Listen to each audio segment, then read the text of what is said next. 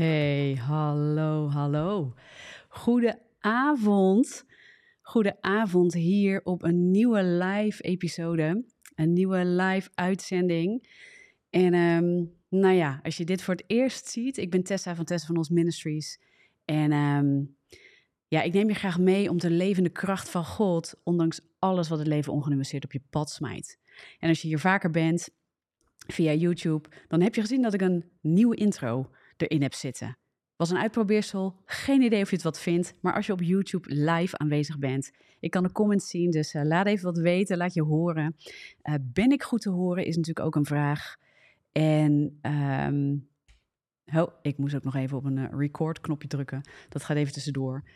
Maar um, ja, dus welkom bij deze nieuwe live-uitzending. Het kan zijn dat je hem later terugluistert op de podcast of dat je hem later terugkijkt op YouTube. Nou ja, weet je, dan uh, wees, uh, voel je alsnog uh, welkom en ik hoop dat deze boodschap je enorm zegent. Nogmaals, ik ben Tessa van Tessa van Os Ministries en ik sta ervoor dat je, dat je in geloof in je leven wordt opgebouwd door de kracht van God. Ondanks alles wat het leven ongenuanceerd op je pad smijt. En dat is iets wat we uitdragen met de ministry. Dat is iets waar we met de bediening mensen in toerusten. Door allerlei content te delen, waaronder dus ook deze uitzending. Dus heel gaaf dat je er bent. En ik zie wat mensen binnenstromen. Dus als je kijkt, je ziet me af en toe even naar het scherm kijken van mij aan de zijkant. Want dan kan ik de comments zien binnenkomen. En dat is altijd zo leuk van een live. Dat doen we lekker samen. En uh, de mensen die daarbij zijn, daar heb ik een beetje interactie mee. Dus ook als je het later terugluistert op de podcast, dat is wat je van me hoort uh, tussendoor, dat er wat interactie is. Maar ik denk dat dat iets moois is. En uh, hey, kijk eens aan. Ik zie vele mensen binnenkomen. Hallo. Leuk dat jullie ook even laten horen, laten zien. Like de video gelijk even en dan komt hij ook makkelijker in beeld voor andere mensen. Ook op YouTube. Dus uh, hey, en ik vind het leuk om tussendoor als ik zit te praten in zo'n live. Uh, mooi om met jullie um, ja, ook interactie te hebben. Dus reageer zeker ook. En uh, laat even weten hoe jullie de intro vonden, als je die hebt meegekregen, als die goed is doorgekomen. Um, of het geluid goed was, of dat je, misschien was het een hoop herrie, misschien liep het helemaal niet. Ik heb geen idee. Dit is voor mij ook weer nieuw om dat ertussen te doen. En dus, nou, stroom lekker binnen. Ik heb deze week uh, ben ik weer opgestart. Dus deze week ben ik weer bezig geweest om, uh, om na een, nou, een, periode van drie weken wat rustiger aan met God doorbrengen, een stukje herstel. We zijn druk geweest, ook met de bediening. Er is veel verandering geweest. Uh, veel groei geweest. Er zijn nieuwe mensen die aansluiten in het team. Het is geweldig om mee te maken. Maar dat maakt ook dat we soms ook even rust nodig hebben om bij te komen en ook, en dat is altijd mooi als we naar het nieuwe jaar gaan, weer tijd te nemen om met God nieuwe richting te, te bepalen. Weet je, en daar hoeft het niet het nieuwe jaar voor te worden. Dat kun je op elk moment doen. Dus ik zit daar ook nooit zo aan vast, gelukkig. Maar ik vond het nu wel lekker om dat te doen. En um, kijk, jullie stromen nog steeds binnen. Hartstikke gaaf. Agnes zegt, ik heb de intro niet gehoord, kwam later binnen. Jammer. Nou, voor wie, uh, ik ga hem later zelf terugkijken natuurlijk ook. Dus ik ga checken hoe dat, uh, hoe dat erbij staat op YouTube, zometeen. Um, nou, om met jullie er verder eens in te duiken. Ik had, um, uh, en die, die, heb ik ook op de podcast geplaatst. Die heb ik vandaag pas geplaatst. Maar ik doe op de socials, op Instagram en Facebook, doe ik op maandagochtend om 7 uur een live. En we zijn aan het kijken hoe we alles gaan benoemen. Normaliter, dat wat ik het afgelopen jaar veel heb gedeeld was Crush Your Day op YouTube en de podcast. En op de socials deden we, of doen we, maandagochtend live ochtendgebed. Nou, we zijn aan het kijken of we dat samen kunnen voegen een beetje in de zin van um, dat we ook de live momenten van de socials op YouTube en op de pod podcast willen gaan plaatsen, zodat dat ook toegankelijk is voor mensen, makkelijker te beluisteren, ook buiten de socials. En nou, zo willen we ook kijken hoe blijven we alles noemen. En het officiële idee van Crush Your Day was eigenlijk dat dat de live socials was. Want to crush your day betekent in Nederlands natuurlijk het verpletteren van je dag. Ik vind het mooi als we dat doen aan het begin van de dag. En crush your day was dus oorspronkelijk eigenlijk bedoeld om dus aan het begin van je dag op maandagochtend om 7 uur, om daar eens gewoon een lekkere oppepper te krijgen, goede motivatie, een aanvuring uh, in een stuk gebed, een klein stukje preaching, uh, om je te motiveren om iets in handen te hebben om echt in die kracht van God te wandelen, zodat jij je dag aan kunt, je week aan kunt. Nou, en daarvan is het verder het idee om op de socials onder andere, op meerdere andere momenten, op ander soort manieren. Met, uh, nou ja, je hebt op Instagram de mooie video's natuurlijk, de reels en weet ik het allemaal. Om je daarin verder te bemoedigen de rest van de week. Maar dat is eigenlijk het oorspronkelijke idee van Crush Your Day. En ik zit eraan te denken om daar ook weer naar terug te gaan. En we zijn nog even aan het kijken of we dat zo doen. Maar ik wil ook de live op YouTube op deze manier blijven doen. Die gaan we dan misschien anders noemen. Uiteindelijk, what's in the name? Het maakt niet heel veel uit. Wat we willen doen, is de live socials willen we blijven doen op maandag. En we willen dit blijven doen, voor zover het er nu uitziet, in ieder geval op donderdag, op donderdagavond. Het kan zijn dat we het naar de woensdagavond gaan verplaatsen. Ligt heel erg aan de ontwikkelingen hier bij Tessa van ons Ministries. Want wat ik eerder al zei, en dat is misschien een lange inleiding, en denk je, goh, waar gaat dit helemaal heen? Ik neem je gewoon even lekker mee in de achtergrond uh, van wat hier gaande is. Om je vervolgens zo meteen mee te nemen in een boodschap die ik op mijn hart draag voor deze week. Uh, of deze maanden misschien ook wel. Maar um, ja, we zijn met het team aan het uitbreiden. En nou, dat een beetje bij elkaar zetten en zoiets neerzetten. Ja, dat is natuurlijk mooi om te doen. En dat een beetje afstemmen. Daar zit soms wat tijd in, soms wat verandering in. En uh, dat gaan jullie vanzelf merken. Ik ga je daarin meenemen. Voor nu is het lekker donderdagavond en zijn we live hey, ik zie nog wat mensen binnenkomen ondertussen. Heel erg gaaf. Jullie zijn weer lekker aanwezig. En um, nou, dat is sowieso erg leuk. Dus wat we doen met de lives is echt die interactie ook creëren. We merken dat mensen die verbinding daardoor ervaren. We willen um, op dit kanaal, hè, dus op YouTube waar we dus ook live gaan, eens in de zoveel tijd ook Q&A's doen. Dus waar ik een beetje naartoe wil is in thema's gaan werken. Bijvoorbeeld weet ik veel, de maand januari zijn we nu bezig om richting te krijgen, de stem van God te verstaan. Hoe doe je dat nou? Hoe wandel je met Jezus daarin? hoe kan je in die kracht van God functioneren en weten wat je te doen staat? dat willen we heel graag. We willen vanuit onze relatie met God weten waar God wil dat we heen bewegen. En vanuit, uh, vanuit, wat, vanuit ons, uh, onze relatie, maar wat ik ook wil zeggen, vanuit zijn plan met ons leven. Um, dus dat is voor ons belangrijk als mens. Weet je, als christen. Ik denk als mens sowieso zijn we op zoek naar een doel, naar zingeving. Maar ik geloof dat je eigenlijk als je Jezus niet kent, eh, als je God niet kent, als je de schepper niet kent, degene die jou gemaakt heeft, waar je, waar je zoveel voor betekent, als je hem niet kent, kun je nooit in je volledige plan wandelen. En daarom vinden wij christenen, denk ik, ook zo belangrijk dat we horen van God voor richting van ons leven. Nou, bijvoorbeeld zo'n thema lijkt me mooi om daar gewoon dan wat verschillende uh, dingen aan te wijden. En daar bijvoorbeeld ook de live socials op af te stemmen. Deze aflevering op af te stemmen. En zo ergens een maand mee bezig te zijn met z'n allen. Wat ik mooi vind is dat jullie ook heel veel con connectie zoeken en interactie. En um, ik geloof dat het een beetje een community in zichzelf is. En dat deze bediening daar ook een bepaalde ja, plek in inneemt. Waar mensen worden opgebouwd in de vernieuwing van denken. En dat, daar wil ik ook nog wat over zeggen. Want ik weet dat mensen, um, we hebben soms echt nodig dat bolwerken worden afgebroken. En ik kreeg een heel mooi woord. Ik was op de Prophetic uh, Explosion conferentie afgelopen weekend. Ik kreeg daar zelf een mooi woord. Dat ik graag met een bel uh, in dingen hak. Omdat ik graag de leugens in, in het denken van mensen afbreek.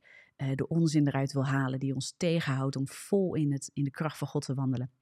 En, um, en het beeld wat ik kreeg, wat ik naar me toe kreeg, wat gezegd werd door iemand, joh, ik zie dat die hakbel die wordt uh, vervangen door een sloopkogel. En toen dacht ik, ja, zo is het. Want de waarheid van God moet als een sloopkogel zijn in je brein en alles afwerken wat gebouwd is uit de duisternis, wat niet van God is. En diezelfde waarheid zet je ook vrij. Weet je, die sloopkogel die moet zo krachtig zijn dat alles uit de weg wordt geruimd voor alles van God om ruimte te krijgen in jouw hoofd, in jouw denken, vanuit je leven met Hem, vanuit je hart. Want dit is waarom Jezus je hart najaagt. En dit is waarom wij Jezus zijn hart na moeten jagen. En ik zei ergens volgens mij van de week ook, weet ik niet zeker, maar ik ga het nu opnieuw zeggen. Dat is een krachtig ding wat ik ook draag, is op een gegeven moment um, wat ik te horen kreeg in een, in een, in een profetie ook. Mooi, profetie is mooi. Ga ik zo wat op verdiepen met je. Maar wat ik hoorde is, jaren geleden is, van je weet wie je bent, doordat je weet van wie je bent was het Amerikaanse, vond ik een hele mooie uitdrukking. You know who you are because you know whose you are. Heel krachtig. En ik moest daar de afgelopen weken aan denken. En ik denk, wat een kracht ligt daarin voor ons als christenen. Dat wij, weet je, de mensen soms zo op zoek. Jij en ik misschien ook. Ik heb, ik heb misschien wel zo vaak ook, uh, en daar is niks mis mee, hè, van die persoonlijkheidstesten ondergaan. En uh, best wel, weet je, is best mooi om, om daardoor meer te leren over hoe je communiceert en wat bij je past en wat je kleur is, om het zo maar eens te zeggen. Dat is prachtig, is mooi, hartstikke goed. Maar zolang we niet weten wie Jezus is voor ons, en dan heb ik het niet over Hij is mijn verlosser alleen. Dan heb ik het ook over die sloopkogel die in jouw denken alle bolwerken ondersteboven knettert. Op elk gebied van je leven waar je nog aan leugens vasthoudt, waar je onbewust of bewust nog in leugens vastzit, waardoor je niet kan leven. We zitten zo vaak in overleven in plaats van leven, doordat we zo gebonden zijn aan leugens, doordat we zo gebonden zijn aan wat de duivel, wat de duisternis ons wil leren. En ons heeft opgelegd en ons heeft aangedaan. En de vervolging die hij op ons leven legt. We zitten in een gebroken wereld. We hebben te maken met strijd. En ik bedoel, er wordt alles op ons afgevuurd. Ziekte, uh, demonen zijn erop uit om, om, om, je, om je te ontwrichten in je denken, om je ont, ontwrichten in je leven. Weet je, en, en dit moeten sommige mensen horen. Er is een plan van God over je leven. Ja, want God heeft jou zelf gemaakt. Jij bent hem alles waard dat hij zijn leven voor jou heeft gegeven. Ja? Dus natuurlijk is er een duisternis, is er een duivel die dat plan onderuit wil halen. En soms, zeker in Nederland, mogen wij iets meer beseffen dat er een geestelijke wereld is die stuurt continu, die strategie aan het uitwerken is om jou en mij onderuit te halen. En dat staat, weet je, er zijn ook mensen die alles over vergeestelijken. En wat bedoel ik daarmee? Want heel veel heeft een geestelijke oorsprong. Eigenlijk alles heeft een geestelijke oorsprong. Maar binnen het geheel van wandelen met God in deze wereld, in de geestelijke wereld, hebben wij wel ook eigenaarschap en uh, keuzes en verantwoordelijkheid die we dragen. En als we onze verantwoordelijkheid en eigenaarschap gaan afschuiven op de geestelijke wereld, dan zijn we dingen aan het oververgeestelijken of vergeestelijken, daar waar het niet moet. Maar we mogen wel gaan beseffen, ik kwam daar heel erg achter de laatste drie weken, en daarom wil ik daar gewoon even wat tijd aan besteden. Dat God me echt liet zien, weet je, Tessa, dit land, en ik heb het afgelopen maandag in het ochtendgebed, uh, heb ik het ook gedeeld, hè, of in de live socials. Uh, dus, en die staat ook op YouTube, die staat ook op de podcast inmiddels, die heb ik er vanavond op gezet. Dus die kan je terugluisteren op alle kanalen omdat het een krachtig en vurig ding was, wat ik echt ervoer in mijn geest en wat ik echt heb gezien, is dat wij zijn getorpedeerd met gewoon aanvallen uit de duisternis om de plannen van God, om de dingen die God nu wil laten gaan doorbreken. Ik geloof dat heel veel mensen gaan doorbreken in het plan van God of in een deel van het plan van God, het seizoen in ieder geval wat er nu aan zit te komen. En dat daar zoveel kracht van God doorheen komt, ook voor dit land, dat er heel veel aanval is. Er is heel veel geprobeerd om mensen onderuit te halen. Heel veel depressiegevoelens en gedachten komen recht uit de hel. Echt. En je hebt je raar gevoeld en mat gevoeld en je bent zelfs rare dingen gaan denken. En dat je zelfs denkt, wat, wat, waar komt dit vandaan? En je bent gaan zoeken waar de oorzaak zit. En je hebt zelfs oorzaken voor jezelf misschien wel kunnen vinden. Maar ik geloof dat God tegen velen van jullie zegt. Maar de diepe oorzaak was gewoon de, de razernij uit de duisternis. De woede uit de duisternis tegen het plan van God. Er is een plan voor dit land. Er is een plan voor deze wereld. En jij en ik zijn er onderdeel van. Weet dat, voel je ook bemoedigd. En soms moeten we scherp opstaan en zeggen: als er een oorzaak is, Heer, Heilige Geest, openbaar mij waar ik aan moet werken, waar ik misschien verantwoordelijkheid moet nemen. Maar soms is dat simpelweg dat we onze mond en onze gedachten niet langer ruimte laten geven aan de gedachten en ideeën van de duivel. Echt. Wij, ik ook. Ik moet daar ook op letten. Ik kan soms hop in een, in een, in een onbewust moment en soms in een bewust moment in één keer een gedachte binnenkrijgen en daar kan ik gewoon mee aan de haal gaan, omdat ik denk dat die van mij is. Maar die is niet van mij. Daar kom ik steeds vaker achter. Wat van jou is en wat grond heeft bij jou, daar moeten we wat aan doen. En dit hoorde ik van de week. Van weet je, ehm, als, we, als we dingen denken, dan hebben we, hebben we drie seconden om te bedenken, is dit van mij? Moet ik hier wat mee? En dan is het niet de taak dat we zelf heel erg gaan mijmeren, maar dat we gelijk naar God gaan en zeggen: Heer, moet ik hier wat mee? Of dat je binnen diezelfde drie seconden zegt: Dit is helemaal niet uit God. Deze ga ik gelijk verwerpen. En vond ik een hele, heel mooi advies. Pak gelijk in die eerste drie seconden met alles wat je denkt, en zeker als het een heftige gedachte is of een heftige emotie. Is het van God? Moet ik hier wat mee, Heer? Is het uit mezelf in de zin van, is het een trigger? Is het een signaal waar ik iets mee moet? Zit er grond in mij waar ik, waar ik herstel moet zoeken? Waar ik misschien, uh, misschien met de coaches over moet praten of een pastoraal medewerker waar ik voor in gebed moet? Dat. Maar als dat niet zo is, Je kunt sowieso gedachten verwerpen die dingen neerhalen. Die plan van God neerhalen, die jouw waarden neerhalen, die jou, die jou uh, kleineren. Die, weet je, die dingen hoef je niet aan te nemen. En wij nemen veel te veel aan. Nou, dat wou ik even met je delen. En dan wou ik bijna zeggen, dat is de inleiding. Maar uh, ja, eigenlijk wel. Dit is de inleiding. Ik ga nog even kijken wat ik allemaal langs zie komen. Dus ik check heel even al die pijlen. Ja, inderdaad, er komen heel veel pijlen. En ik zag echt... Um, ik zie heel mooi. Gaat Tessa ons nu op onze verantwoordelijkheid wijzen, joh? Ja, ja, ik denk, het, ik denk dat ik soms ook die sloopkogel ben voor mensen. Cynthia, zet dat in de comments. Gaat Tessa ons nu op die verantwoordelijkheid wijzen? Ik denk dat God het doet. Ik denk als je, um, en daar wil ik een beetje naartoe. Ik heb Johannes 10 voor me, voor me liggen. Ik heb ook in de titel, als het goed is, staan. Wie is de dief als Jezus de goede herder is? Wie is de dief? En um, Johannes 10, als ik het heel erg, zeker de eerste verse, waar het gaat over de goede herder, waar Jezus ook verwijst naar zichzelf als de goede herder en de deur om door naar binnen te gaan. Hij heeft het daar over de schaapskooi, gaat maar eens even lezen. Ik deelde er van de week ook wat over.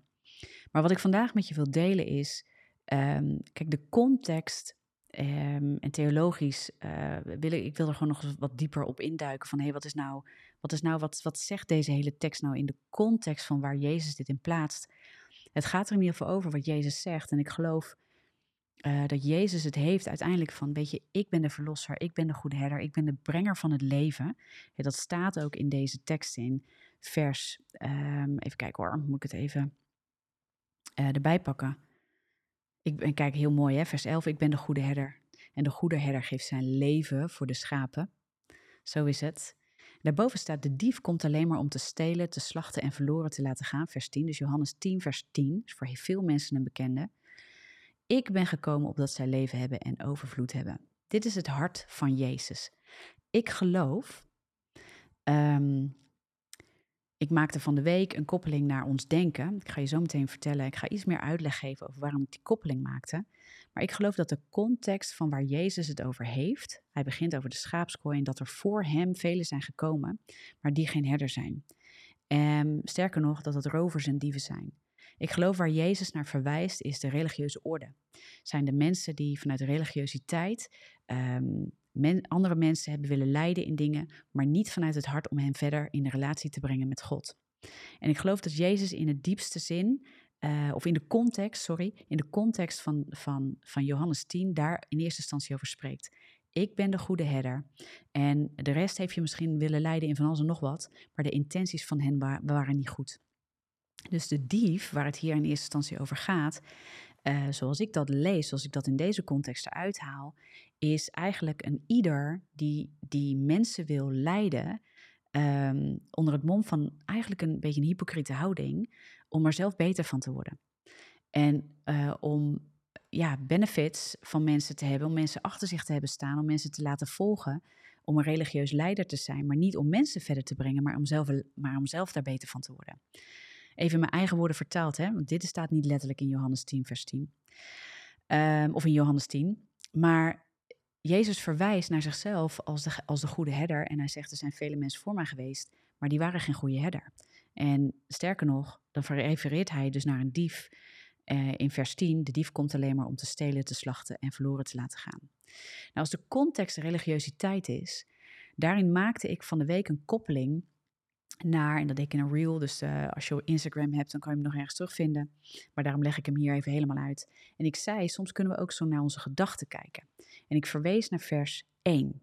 En ik wil je even meenemen naar vers 1, want daar staat dit. Voorwaar, voorwaar, ik zeg u, wie de schaapskooi niet door de deur binnengaat, maar van elders naar binnen klimt, die is een dief en een rover.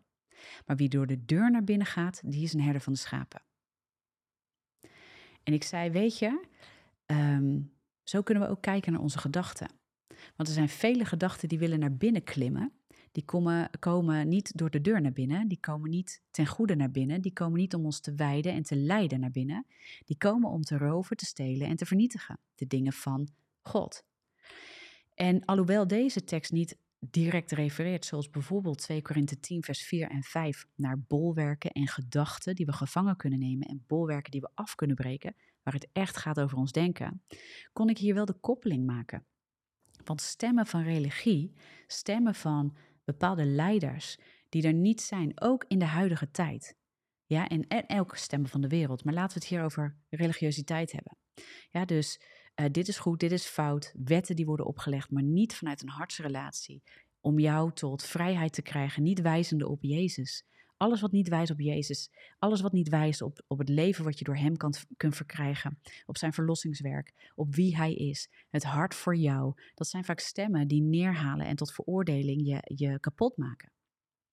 En heel veel van die stemmen zijn ergens naar ons toegekomen, maar zijn als een gedachte in ons blijven uh, tot bolwerken gebleven. Of komen op dit moment, ook doordat we de dingen horen, ja, nog steeds naar ons toe krijgen, komen binnen en zijn als stemmen die, die naar binnen willen klimmen, in ons hoofd willen klimmen, in die schaapskooi eigenlijk, waar Jezus van zegt, maar ik kom door de deur naar binnen. Sterker nog zegt hij, ik ben de deur.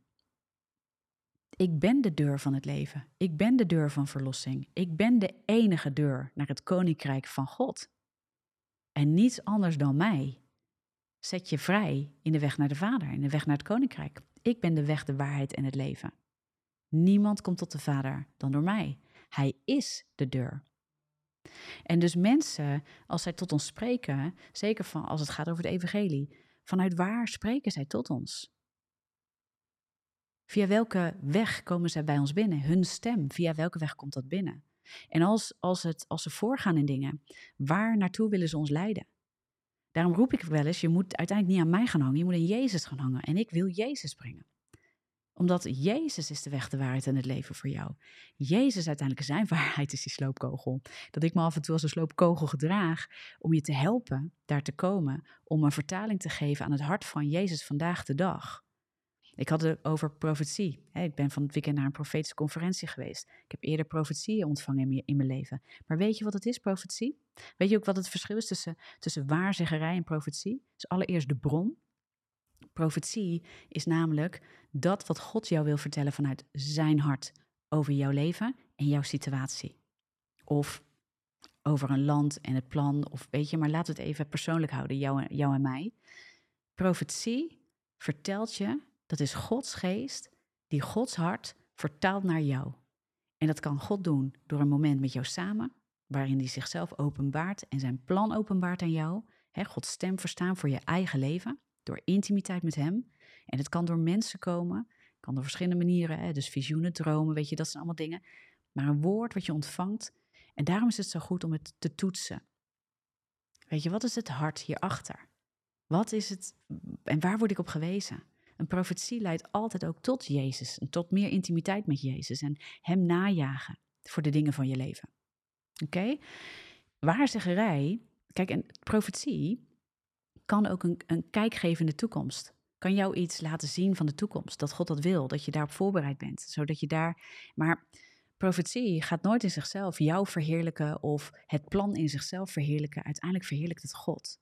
En het hart van God voor de mens. En voor, voor jou, voor de mensen, voor zijn plan, voor het verlorene. Amen, voor deze wereld.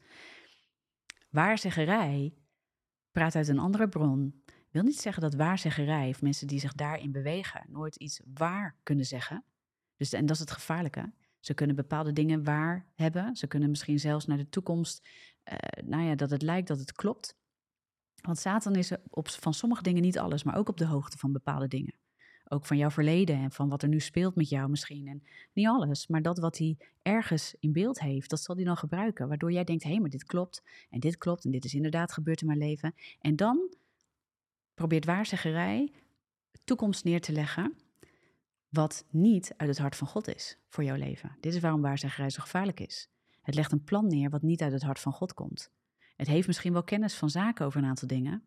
En het legt uiteindelijk een halve waarheid neer, of geen waarheid, of een leugen neer over jouw toekomst. En het bindt zich aan jou daardoor. En het gaat invloed uitoefenen. Het verschil tussen waarzeggerij en profetie is het hart van God zelf. Dat is het hart van God zelf. Wij moeten ook niet profetie gaan najagen. Wij moeten het hart van God najagen. We moeten Jezus najagen. En profetie is een uiting van God om te openbaren voor ons. En weet je, maar daar moeten we niet op, jagen. Sommige mensen gaan heel veel naar conferenties. Um, en dit klinkt heel cliché, want ik ben van de weekend natuurlijk ook naar een conferentie geweest. Maar sommige van hen zoeken, bezoeken zulke conferenties om vooral heel erg toekomstvoorspellende woorden te ontvangen. Maar dan gaat het vaak mis. Want we hangen onze levens op aan woorden die gesproken zijn. En we vergeten dat het aller, aller, allerbelangrijkste is dat we zelf het woord kennen, dat we Jezus kennen en dat we zelf intimiteit met Hem hebben. En ik geloof dat alles wat niet uit de intimiteit met Jezus komt, kan worden als een dief. Zelfs de dingen die God je heeft gegeven, zelfs het plan van God kan worden als een dief. Dat is misschien heel scherp wat ik nu ga zeggen en heel challenging. Kan worden als een dief als je het plan van God pakt en niet langer afhankelijk daarin bent en niet langer wandelt met Jezus daarin. Dan raak je afgeleid. Jezus, de goede herder, kan jou uit de schaapskooi hebben geleid, jou in de grazige weide hebben geleid. Je kan daar afgeleid zijn geraakt door waar je bent, door de mooie dingen, de mooie omgeving. En Jezus is verder getrokken met al die andere schapen. En in één keer gooi je je hoofd omhoog en denk je, waar is alles en iedereen gebleven? Waar is iedereen gebleven? En je raakte afgeleid door daar wat je in zat. Omdat je niet langer, je was in mooie dingen geleid en je raakte eigenlijk de intimiteit met Jezus kwijt. Maar het mooie is, Jezus laat jou niet uit, je, uit zijn hand roven. Ik ga je heel even meenemen, een hele mooie tekst, ook in Johannes 10. Ik blijf lekker in Johannes 10 hangen. En ik geef hun eeuwig leven en zij zullen beslist niet verloren gaan in eeuwigheid. En niemand zal ze uit mijn hand drukken. Jezus loopt nooit ver weg van jou. Maar wij kunnen wel het gevoel krijgen dat we zijn stem niet meer horen. En dat we de weg kwijtraken. En dan in één keer bevinden we ons van dat mooie in een soort verdwaling. En dan raken we in verwarring, omdat we onze relatie en intimiteit met Jezus niet hebben behouden. En dan, dan kunnen andere stemmen binnenkomen. Want waar Jezus, waar je de groep kwijtraakt, ja, daar gaan wolven komen om je heen staan. Die gaan kijken of ze jou kunnen roven. Of ze kapot kunnen maken. Ja, wat Jezus in jou heeft gelegd. Wat God in jou heeft gelegd. De demonen, de duistere wereld, het zijn jagers. Ja, ook door de stemmen van de wereld, door de stemmen van religie. Door alles wat buiten Jezus op je in wil gaan spreken. En daar kan je slachtoffer van raken. Daar kan je gewond door raken. Maar Jezus um, verlaat de 99 om jou te komen halen. Weet je, je hoeft maar te roepen. Je hoeft maar hard te blaren als een schaap. En, uh, en hij komt je gewoon halen. Hij gaat nooit ver weg. Hij houdt je altijd in het oog. Maar we hebben ook keuzes. Snap je wat ik bedoel? Dus ik ga eens even kijken. Ik zie inmiddels zijn er nog meer mensen bijgekomen. Super tof. Heel gaaf dat jullie er zijn. Heel mooi. Ik zie mooie reacties. Ja, inderdaad. Hè? Dus profetieën zijn niet hetzelfde als waarzeggerij of de toekomst vertellen. Nee, God kan je de toekomst openbaren, zijn plan over jouw toekomst openbaren, want dat is het vaak. Waardoor je gestimuleerd wordt, waardoor je weet, hé, hey, ik krijg weerstand, maar dit heeft God mij verteld. Ik mag erop vertrouwen, ik mag doorzetten in geloof. Dat is in geloof wandelen, aan het hart van God. Aan het hart van God. En als jij weet wie Hij is, als je weet hoe Hij in elkaar steekt, als je weet hoe de Vader denkt, als je weet wat zijn wil is. Romeinen 12, vers 2. En vernieuw je denken op dat je kent zijn goede, volmaakte, welbehagelijke wil. Ja, wij kunnen dus de wil van God kennen. Allereerst door het woord, de algemene wil van God. Maar de Heilige Geest is ons gegeven om ons persoonlijk te leiden en ons dingen te openbaren die God voor ons heeft weggelegd. En dat wil Hij. En ik geloof dat. Ik leef zo. Fantastisch. Ik zie mooie reacties. Sylvia zegt ook, wanneer je conferenties najaagt om profetie te ontvangen, vergeet je dat je geen intimiteit met de Vader hebt, maar afhankelijk raakt ja, van een mens ja, en van de profetie. Van de mens die profetie geeft en van profetie. Ik vond het fantastisch mooi, want de conferentie waar ik dus afgelopen weekend was, Sylvia was er ook, en velen van jullie uh, wellicht. Maar um, daar werd heel duidelijk gewezen op het hart van God. Dit is profetie, profeteren, is het hart van God delen met mensen. Amen. Dus als je zegt, Jezus houdt van jou, dan ben je eigenlijk aan het profiteren, want het is het woord van God. Het woord van God wat we in de tegenwoordige tijd vertellen aan mensen. En dat is het hart van God. Hij wil dat je hoort um, dat hij van jou houdt. En dat je, weet je, hij wil een hartsrelatie met jou. En onze relatie moet niet afhankelijk worden van anderen. We kunnen geloof en we kunnen ook een relatie niet lenen. Als ik, eh, ik nam net uh, Sylvia's voorbeeld, maar mijn vriendschap kun je niet lenen, die ik met haar heb bijvoorbeeld.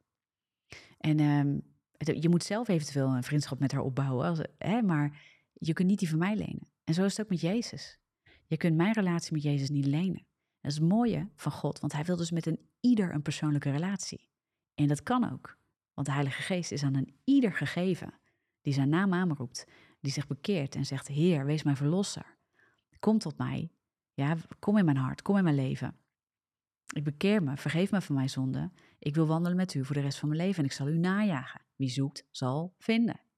Ja, vurig. En soms mogen we onszelf weer een beetje aanwakkeren om vurig te worden. Als we gaan denken, God spreekt niet tot mij of ik hoor hem niet, dan is het heel vaak, heeft het te maken met intimiteit. En soms moeten we dat doorbreken, niet omdat we het voelen, maar omdat we gaan zitten en zeggen en hard gaan roepen naar God. Heer, spreek tot mij. Heer, wees met mij. Ik weet dat u met mij bent. Ik weet dat u tot mij spreekt. Maar ik wil doorbreken, want ik heb het idee dat ik u niet hoor.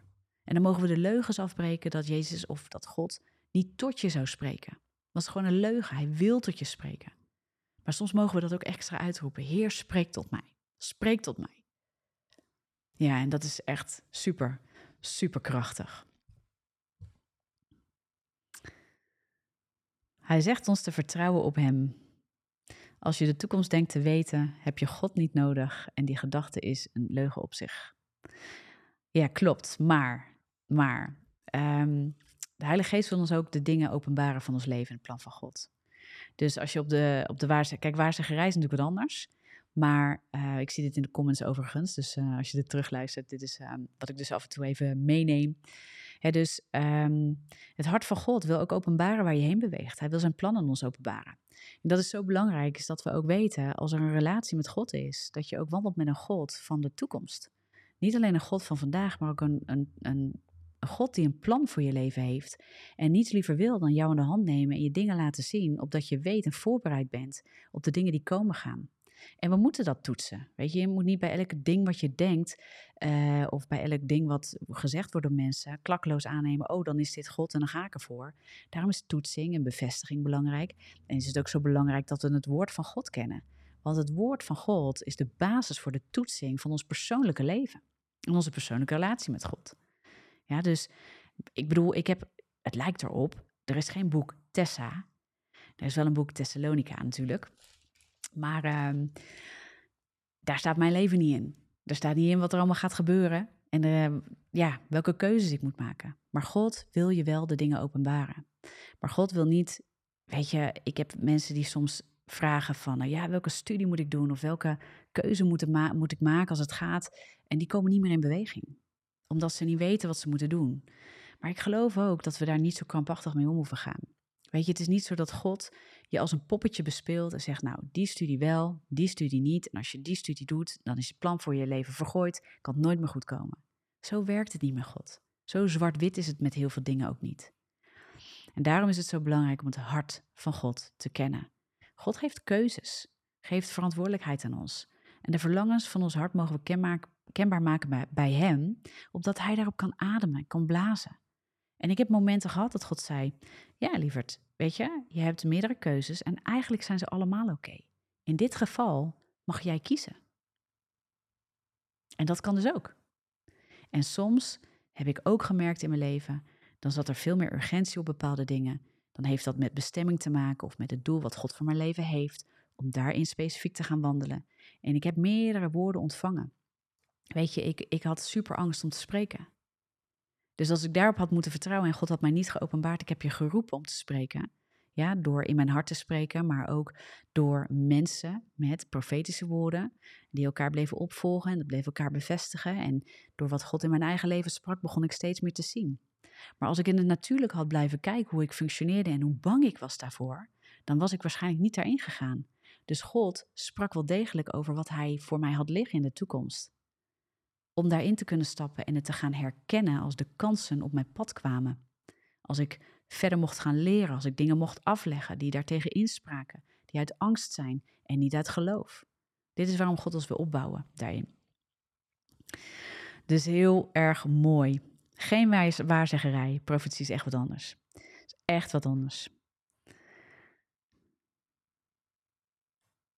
Ja, ik vind het mooi, want er zijn heel veel mooie reacties. Echt heel veel mooie reacties. En um, ja, ik vind het heel mooi wat, uh, wat Cynthia zegt. Ze zegt, weet je, eh, we moeten echt op hem vertrouwen. Hè? God zegt ons op hem te vertrouwen. Eh, en wanneer we dat doen, laat hij soms een stukjes zien. Ja, de noodzakelijke stukjes. Weet je wat is? Als wij, als wij van God alles zouden weten al, als wij een complete openbaring zouden hebben over ons leven, dan zouden we niet langer op hem vertrouwen. Dan zouden we niet langer met hem wandelen. En dan gebeurt er waar ik net naar refereerde. Dan sta je in die groene grazige wei. Jezus loopt verder met de rest van de schapen en jij staat daar nog. En uiteindelijk zou dat tot verwarring gaan leiden, want je gaat Jezus loslaten, je gaat vertrouwen op je eigen inzicht, je eigen kunnen. En je kunt ook niet meer bijgestuurd worden dan. Dit is ook waarom, waarom God dat niet doet. Wij zijn niet bedoeld om de God te zijn van onze eigen leven. En wij zijn ook niet bedoeld om zonder Hem te leven in dit leven. En daarom um, geloof ik ook dat uh, Jezus is zo op jouw hart uit. Hij is zo op je hart uit. Want dat is de plek waar jij voor gemaakt bent om met Hem daarin te functioneren. Daar vindt herstel plaats, daar vindt uitwisseling van liefde plaats, daar vindt zoveel openbaring plaats. Jezus is, een, is de Zoon van God, het levend geworden woord. Zijn geest is gekomen zodat je een levende relatie hebt met Hem.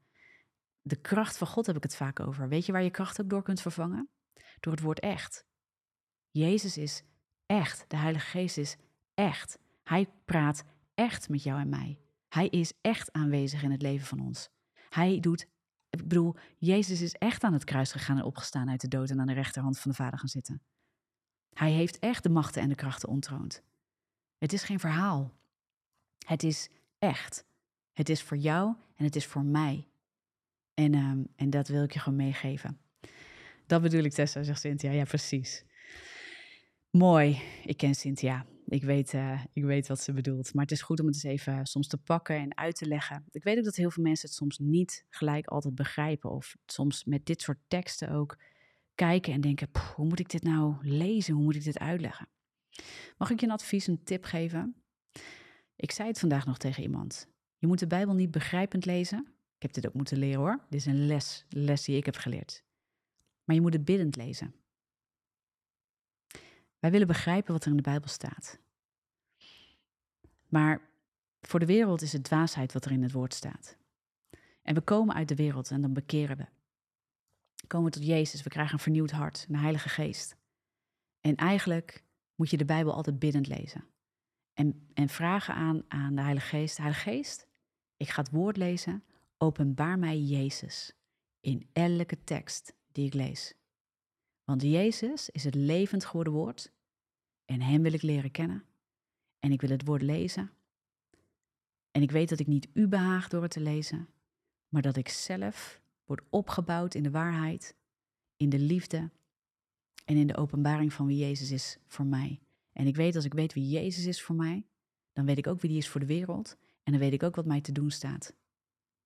En dan weet ik ook hoe ik staande kan blijven als de wereld om me heen lijkt om te vallen en kapot lijkt.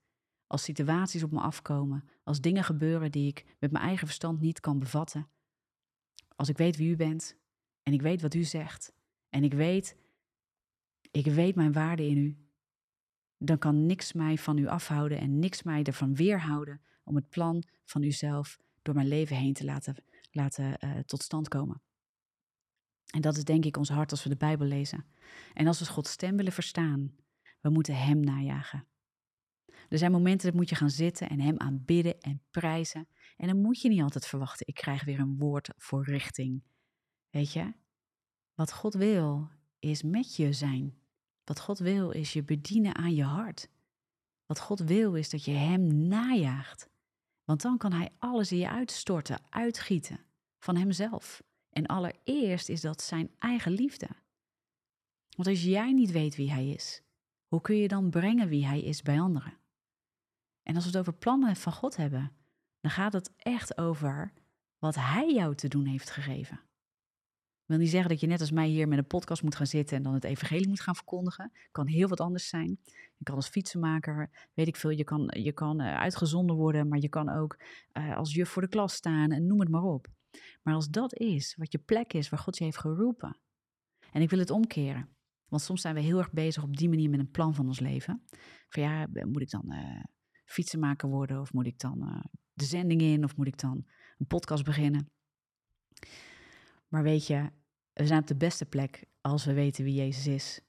En als we Hem lief hebben, als we Hem najagen en onze naaste lief hebben als onszelf. En waar we dan zijn, en we doen dat, en we leven uit de relatie met Hem, ben je altijd in, je, in het plan en de bestemming van God. Altijd. Daarom maakt het niet altijd zo heel erg uit wat je doet. Maar als je bent op de plek waar je bent en je doet alles wat je doet onder leiding van de Allerhoogste, uit liefde voor Hem, dan ben je gewoon aan het dienen vanuit het plan van God. En als God echt wil dat je iets gaat doen, dan gaat hij het je echt, echt vertellen. Echt waar. En dat, dat, ik heb dat alleen maar gezien in mijn eigen leven. Hij gaat je dat openbaren. We zijn soms zo gefrustreerd als we geen richting hebben. Maar dit is je richting. Dit is your calling. Wauw. Ik ben. Uh, hoe lang zijn we bezig, jongens? Volgens mij uh, eh, 40 minuutjes. Hoe ongelooflijk uh, mooi dat me jullie. Volgens mij, ik weet echt niet met hoeveel jullie zijn, maar ik zie heel veel reacties. Echt super tof. Ik ga hem zo meteen uh, afsluiten. Ik zit te kijken wat ik je nog mee wil geven. Johannes 10, sowieso. Ga dat eens lezen. Dus dat eerste stuk um, gaat echt over de goede herder. En hij gaat er eigenlijk op door in heel Johannes. Uh, althans in Johannes 10. En uh, het is eigenlijk een soort uh, uitleg wat hij doet van wie hij is. Ook naar de Joden die, die hem bekritiseren en hem echt wel aanvallen op zijn um, nou ja, op wie hij is, op de zoon, de Christus, de zoon van God. Ze vragen hem echt om bewijs en uh, ze, ze vallen hem aan op uh, van ja, maar je doet dit of je zegt dat en uh, hoe kun je dat nou zeggen? Godslastering wordt er zelfs naar hem toe ge, gebracht. dus hij, hij, ja, hij heeft best wel een verdediging te brengen als het daarover gaat. En ik vind het heel mooi in vers 37 en 38, waar Jezus zegt: Als ik niet de werken van mijn vader doe, geloof mij dan niet. Maar als ik ze doe en u mij niet gelooft, geloof dan de werken. Opdat u erkent en gelooft dat de Vader in mij is en ik in hem. Hele krachtige uitspraak. En ik geloof, en daar wil ik een beetje mee afsluiten. Er zijn vele, ik zeg niet vele van jullie, maar er zijn vele christenen. En ik denk misschien ook wel een aantal van jullie, die worstelen met maar ik ervaar God niet. Of ik voel niet altijd zijn wezigheid. Of, of dat je niet eens weet hoe dat moet voelen of hoe dat eruit ziet. Maar de kracht van God, de werken van Jezus zijn zichtbaar. En als jij je uitstrekt naar Hem, dan is het een diep weten en een geloven en vertrouwen op Hem. Dus wat Cynthia eigenlijk net zei, we moeten vertrouwen op Hem, wat Hij zegt. Vertrouwen op, op iemand doe je ook door echt aan te nemen dat wat Hij of zij zegt, dat het waar is en dat het klopt. En dat moet je soms in blind vertrouwen doen met Jezus. Wat Hij zegt, dat is waar. En dat plaats je boven alles wat je voelt en ervaart. En dan mag je weten, ik ken de mijne, zegt Jezus, en zij kennen mij. En zij horen mijn stem. En dat wil niet zeggen dat je altijd letterlijk een stem hoort, maar dat mag je weten. De Heilige Geest is met mij, is in mij, Hij leidt mij, is een waarheid. Jezus zegt, God zegt, dat Hij mij nooit verlaten zal. Nooit. En dat ik nooit uit zijn hand gerukt kan worden. En ik kan misschien wel verdwalen, maar hij verliest mij nooit uit het oog. En hij is altijd met mij. En hij wil altijd met mij in relatie zijn. Dus laat je ook niet in die zin in de luren leggen door ik voel het niet. De kracht van God zit ook in het zien van de werken van God. In dat jij transformeert, in dat jouw hart verandert, in dat je dingen ziet veranderen in je leven. In dat je zachter bent geworden misschien. En dat je meer geduld hebt gekregen misschien. Dat je vergeving gaat uitoefenen. Dat is de kracht van God. Dat is de echtheid van God. Dat is de aanwezigheid van God. Dat zonde en de hunkering naar zonde wordt afgebroken in je leven. En als je dat niet ervaart, bid de Heilige Geest. Ik heb uw kracht nodig. U moet doorbreken voor mij, want ik kan het niet. En ik vertrouw op u. U zegt in uw woord. En natuurlijk moet je zelf verantwoordelijkheid nemen. En niet denken van, oh, nou ja, maakt niet heel veel uit wat ik doe, ik ben toch onder de genade van God. Nee, maar zoek Hem. Ga niet vechten met je zonde en je verleiding. Ga Hem naastig zoeken. En, en bid vurig, stort u uit in mij. Stort u uit in mij. Want ik worstel daarmee. Wees open en eerlijk met de Heilige Geest, met God. Stort uit, want ik worstel. Stort uit, want ik weet het soms niet. Dat. Anyway, ga alle kanten op deze, deze uitzending. Maar dit is waar ik uh, een beetje mee, uh, mee wil afronden. Weet je, het woord van God is het levend. Hij is Jezus Christus, is het levend geworden woord van God. Weet dat als je het leest. Weet dat we mogen vurig aan hem gaan hangen, oké? Niet aan mij, maar wel aan hem. En ik, uh, I do life with you together. Maar um, we zijn er om elkaar mee op te bouwen. We zijn aan elkaar gegeven als een lichaam, hè? En uh, daar zijn we voor, elkaar mee te nemen. Dus dat doe ik ook hier. Maar weet dat je aan Jezus kan hangen en dat Hij, jij bent niet afhankelijk van het luisteren naar mij. Ik bouw je op, ik inspireer je, ik vuur je aan. Ja? En um, dit heeft tot doel dat je wordt gestimuleerd in je relatie met Jezus. Want jij bent geroepen voor een eigen sterke relatie met Jezus. En iedereen is verschillend en Jezus gaat met iedereen op een verschillende manier een relatie aan. Maar niemand van zijn kinderen, ja, dus allen die door de geest wandelen, zijn kinderen van God, wordt er gezegd in het woord. Uh, ik weet even uit mijn hoofd niet welke tekst het is. Maar dat ben jij dan dus ook. En elk kind is net zo belangrijk. Hij heeft geen lievelingetjes, of ik kan beter zeggen, het zijn allemaal zijn lievelingetjes. Ja? Dus het is niet zo dat jij uh, een beetje het buitenbeentje bent en dat God tegen jou wat minder praat of wil praten. Hij praat misschien anders dan dat hij met mij praat, maar hij praat met jou net zo. Maar we moeten hem leren verstaan. De enige manier is intimiteit met hem bouwen. Weet je niet hoe je moet bidden? Ga op een stoel zitten, sluit jezelf op en zeg: Heer, ik weet niet wat ik moet bidden. Heilige Geest, help mij te bidden. Ik weet niet wat ik moet lezen, ik begrijp er elke keer niks van, maar Heer, ik wil biddend lezen. Want ik weet, de Heilige Geest openbaart mij het woord en de geheimenissen eruit. Opdat ik word opgebouwd dat u wordt geopenbaard in mijn leven. Amen. Wees daar zo mee bemoedigd. Ik ga lekker afronden. 1 Korinthe 12, het lichaam van Christus samen doen, samen leven, samen Jezus zoeken en vinden. Dankjewel Cynthia, was een mooie afsluiter. hey, um, ja, volgende week ben ik er weer. Gaan we het gewoon weer doen.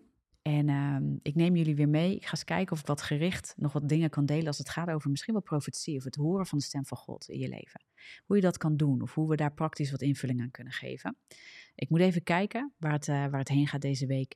Ik heb uh, morgenavond en zaterdag sta ik twee keer voor een groep jongeren. En uh, dus uh, ik mag gaan spreken voor jonge mensen. Hoe zij met hun hun leven kunnen opbouwen met Jezus. Dus ik zie daar heel erg naar uit en daar ben ik ook veel mee bezig geweest deze week. Dus uh, er lopen wat dingen door elkaar. Maar volgende week ben ik er weer. En ik denk dat het thema voor deze maand, het horen van de stem van God, richting ontvangen van God, zit een beetje in diezelfde uh, themahoek. Dat dat gewoon mooi is om dat deze maand gewoon nog met jullie te doen. Dus uh, ik hoop dat je er volgende week weer bent. Ik ga hem lekker afsluiten. Ik vond het gaaf, alle interactie. En achteraf, oh, nou zie ik in één keer dat mijn beeld verandert. Achteraf um, uh, ga ik nog even terugkijken of ik nog wat mooie comments uh, kan meenemen naar uh, de volgende, volgende aflevering.